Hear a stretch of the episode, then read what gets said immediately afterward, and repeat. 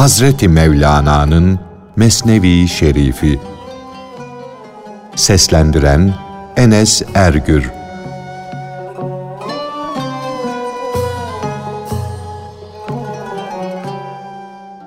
Aşık öldüren mescit ile ölümü arayan bir aşığın hiçbir şeye aldırış etmeden o mescide konuk oluşu.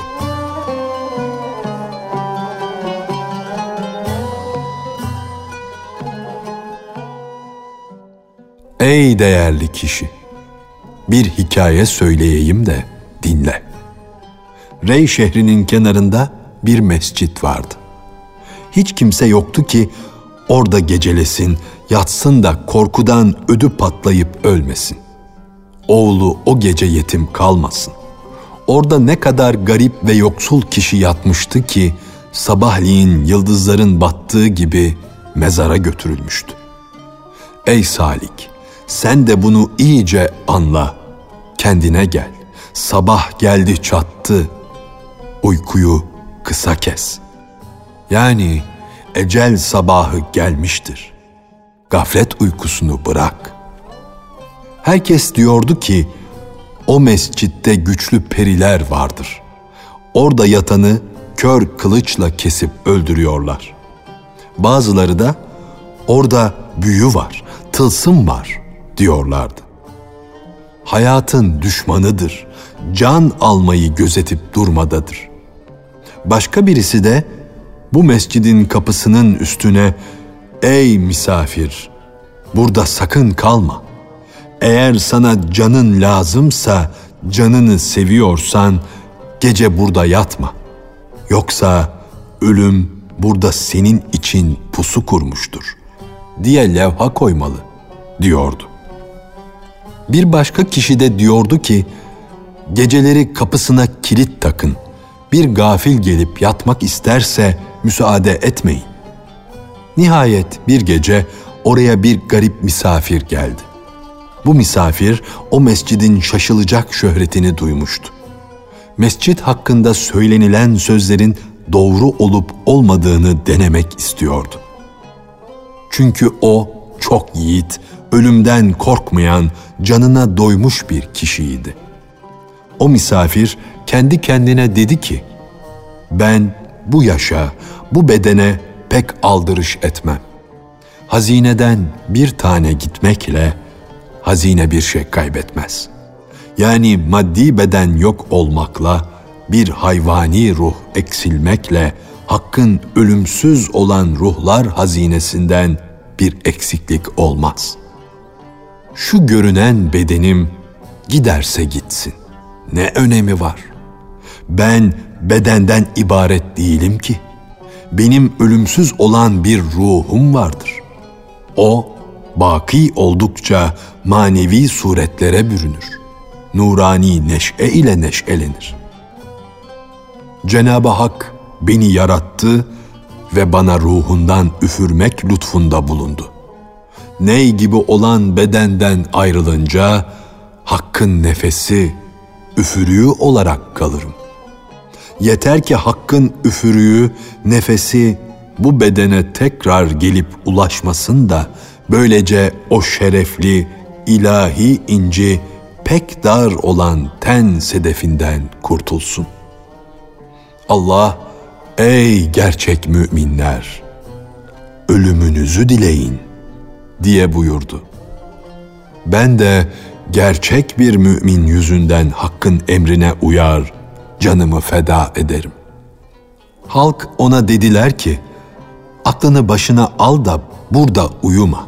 Yoksa o can alıcı seni posa gibi ezi verir. Garip olduğun için hali bilmiyorsun bu mescitte kim gece yatar, uyursa ömrü sona erer. Bu bir tesadüf değil. Biz de bunu defalarca gördük. Bütün akıllılar da defalarca gördüler. Kim bu mescidi bir gece yurt edindi ise gece yarısı ona öldürücü bir hüner sundular. Birden yüze varıncaya kadar nice ölenleri gözümüzle gördük bunu birisinden duyup da rivayet etmiyoruz. Peygamber Efendimiz din nasihattir diye buyurmuştur. Nasihat mana bakımından hainliğin zıttıdır. O nasihat dostlukla doğruluktur. Doğru söylemez, aldatırsan hain olursun. İnsan kılığına girmiş köpeksin. Ey misafir, seni sevdiğimiz için bu nasihati veriyoruz. Bu mescitte yatma diyoruz. Sen de sözümüzü dinle, akıl ve insaftan ayrılma. Aşık dedi ki, Ey öğüt verenler! Ben yaptığımdan pişman değilim.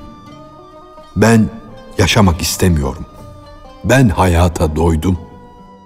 Ben yaralanmayı arayan, yaralanmayı isteyen, yersiz yurtsuz bir tembelim. Tembel bir serseriden doğruluk, yollu yordamlı gidiş bekleme.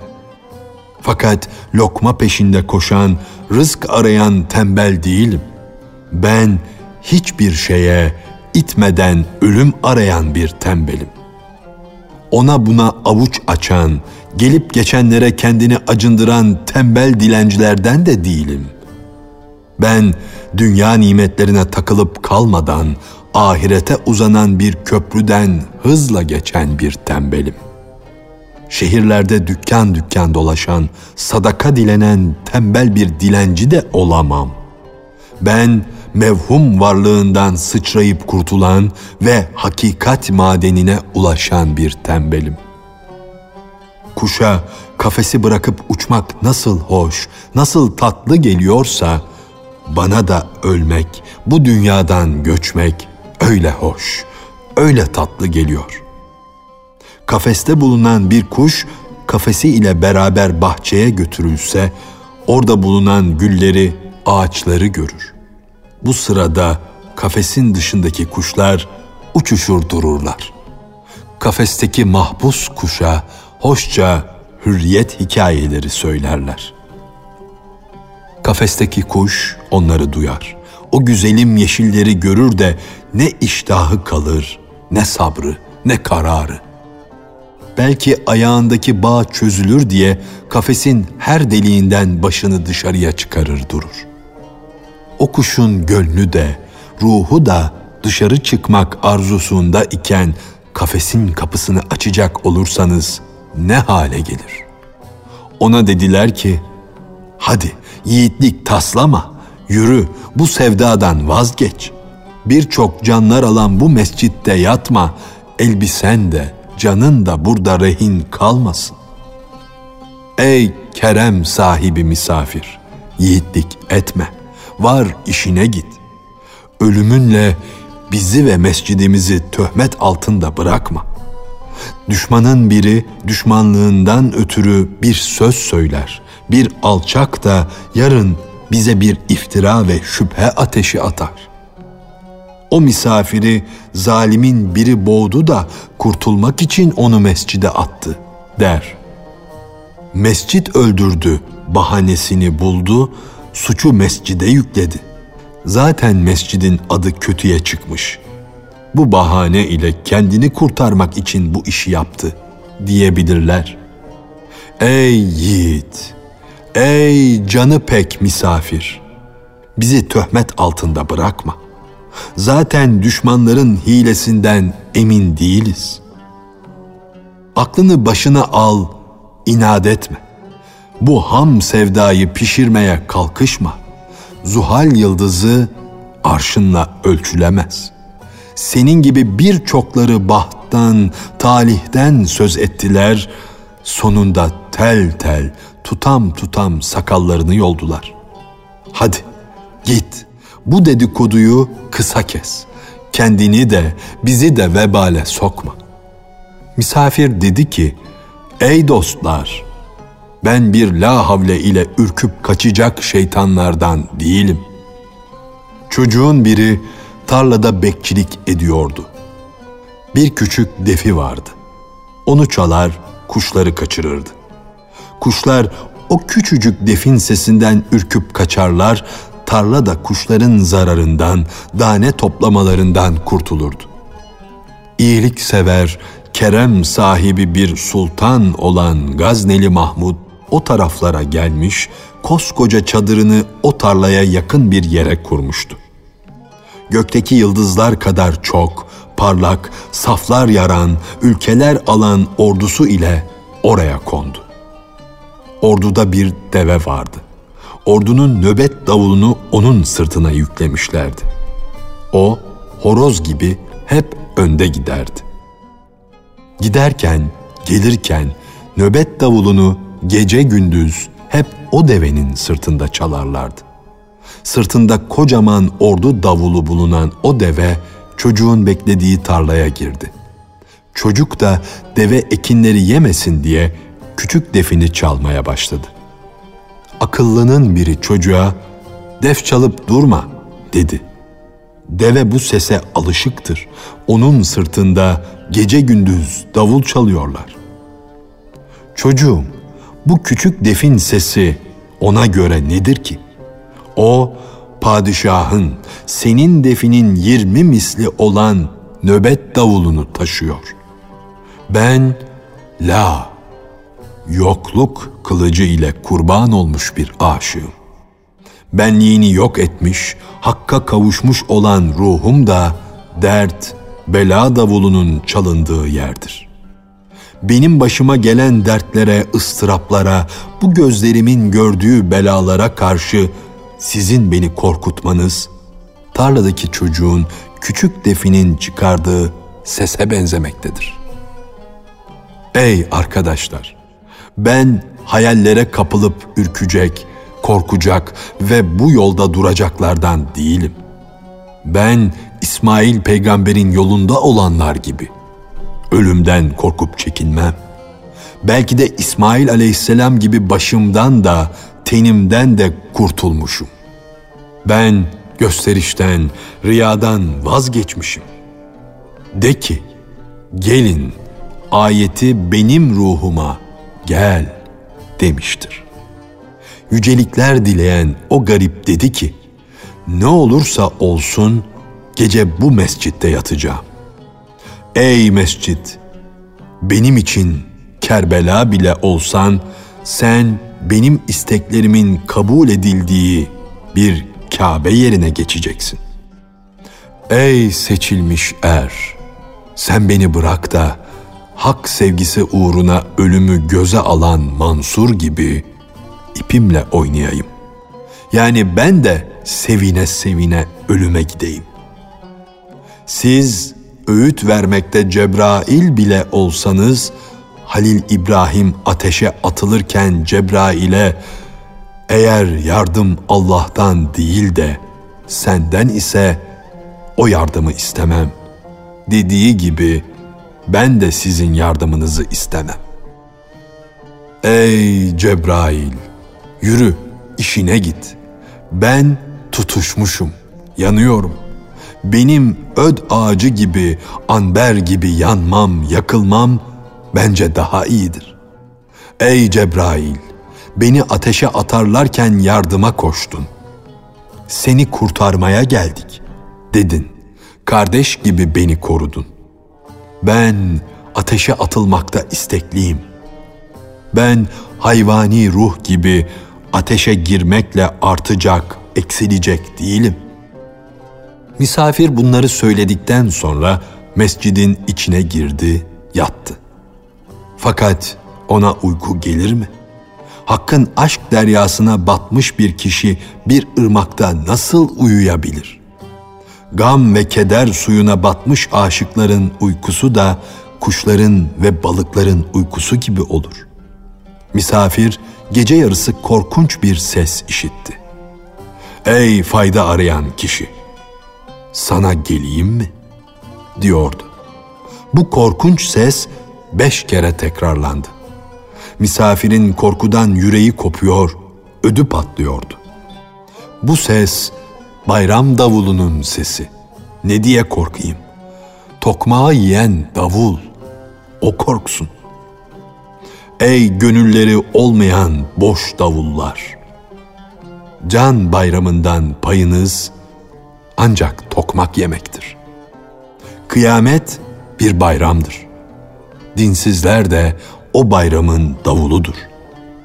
Biz de gül gibi açılıp gülen bayramın halkı gibiyiz. Kendi kendine de ey gönül aklını başına al, titreme dedi. Bu sesten ancak gerçek imanı olmayan kişiler ölmüşlerdir. Hazreti Ali gibi ya ülkeyi alırım ya canım bedenimden gider. Böyle diyerek yattığı yerden sıçrayıp kalktı ve ''Ey yiğit er!'' diye bağırdı. ''Ben hazırım. Sen de gerçekten yiğit isen gel. Ben buradayım. Seni bekliyorum.'' Onun bu seslenişinden tılsım bozuldu. Her taraftan oluk oluk altın akmaya başladı. O kadar altın döküldü ki mescidin kapısının bile kapanıp açılmayacağından misafir korktu. Ondan sonra o cesur arslan kalktı, dökülen altınları sabaha kadar dışarıya taşımaya koyuldu. Dışarı taşıdıklarını yere gömüyor, tekrar torba ile mescide giriyordu. O canı ile oynayan yiğit, sesten korkup kaçanların körlüğüne karşılık definelere sahip oldu. Bu hikayeyi işiten kör kişinin ve haktan uzak, altına tapan her gafilin hatırına şu görünen, aslında sarı yılan olan altın gelmiştir. Çocuklar saksıları, çömlekleri kırarlar. Kırıklarını eteklerine doldururlar, onlara altın adını takarlar. Oyun oynarken o parçalara altın adını taktıkları için ne vakit altın deseler çocuğun hatırına saksı kırıkları gelir. Halbuki hikayede benim bahsettiğim altın hakkın darphanesinde basılmış mana altınlarıdır. Onların kalıbı, kesadı olmadığı gibi hiç eksilmezler, ebedidirler. Bu altın öyle bir altındır ki dünya altınları bile parlaklığı, güzelliği ondan almışlardır. Gönlü zenginleştiren o altın, o mana altını parlaklıkta aydan bile üstündür. O mescit sanki bir mum idi. O misafir de pervane. O pervane huylu kişi canı ile oynadı. Mumun ateşine atıldı. Ateş pervanenin kanadını yaktı ama aleve atılması pek mübarek, pek kutlu geldi de ona daha güzel bir başka kanat ihsan edildi. O bahtı kutlu misafir bir ağaçtan ateşin parladığını gören Musa'ya benziyordu. Hz. Musa hakkında Allah'ın lütuf ve yardımı pek fazla idi. Onun ateş sandığı aslında nur idi. Oğlum, sen de Allah adamını, veliyi görünce onda beşeriyet ateşi var sanıyorsun.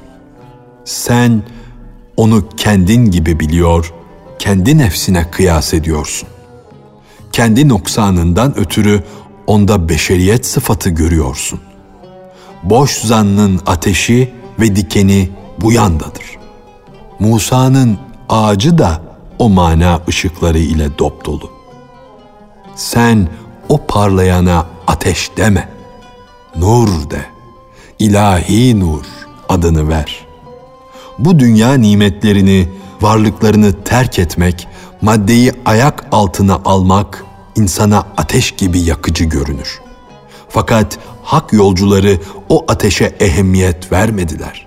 Yollarına devam ettiler. Sonunda gördüler ki o ateş değil, nur imiş.'' Şunu iyi bil ki dinin mumu olan veli yüceldikçe yücelir. Alevlendikçe alevlenir. Din mumu diğer mumlara benzemez. Bildiğimiz mumlar yandıkça eksilir. Nihayet yok olurlar. Bu maddi, zahiri mum nur görünür.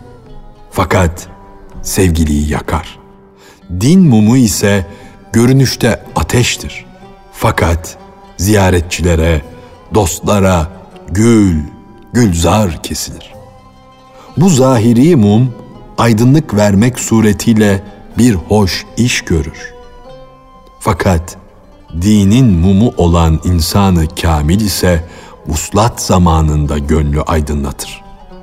O pak ve ilahi nur ise alev şeklinde olmakla beraber ona ulaşanlar için nur, uzakta kalanlara ise nardır.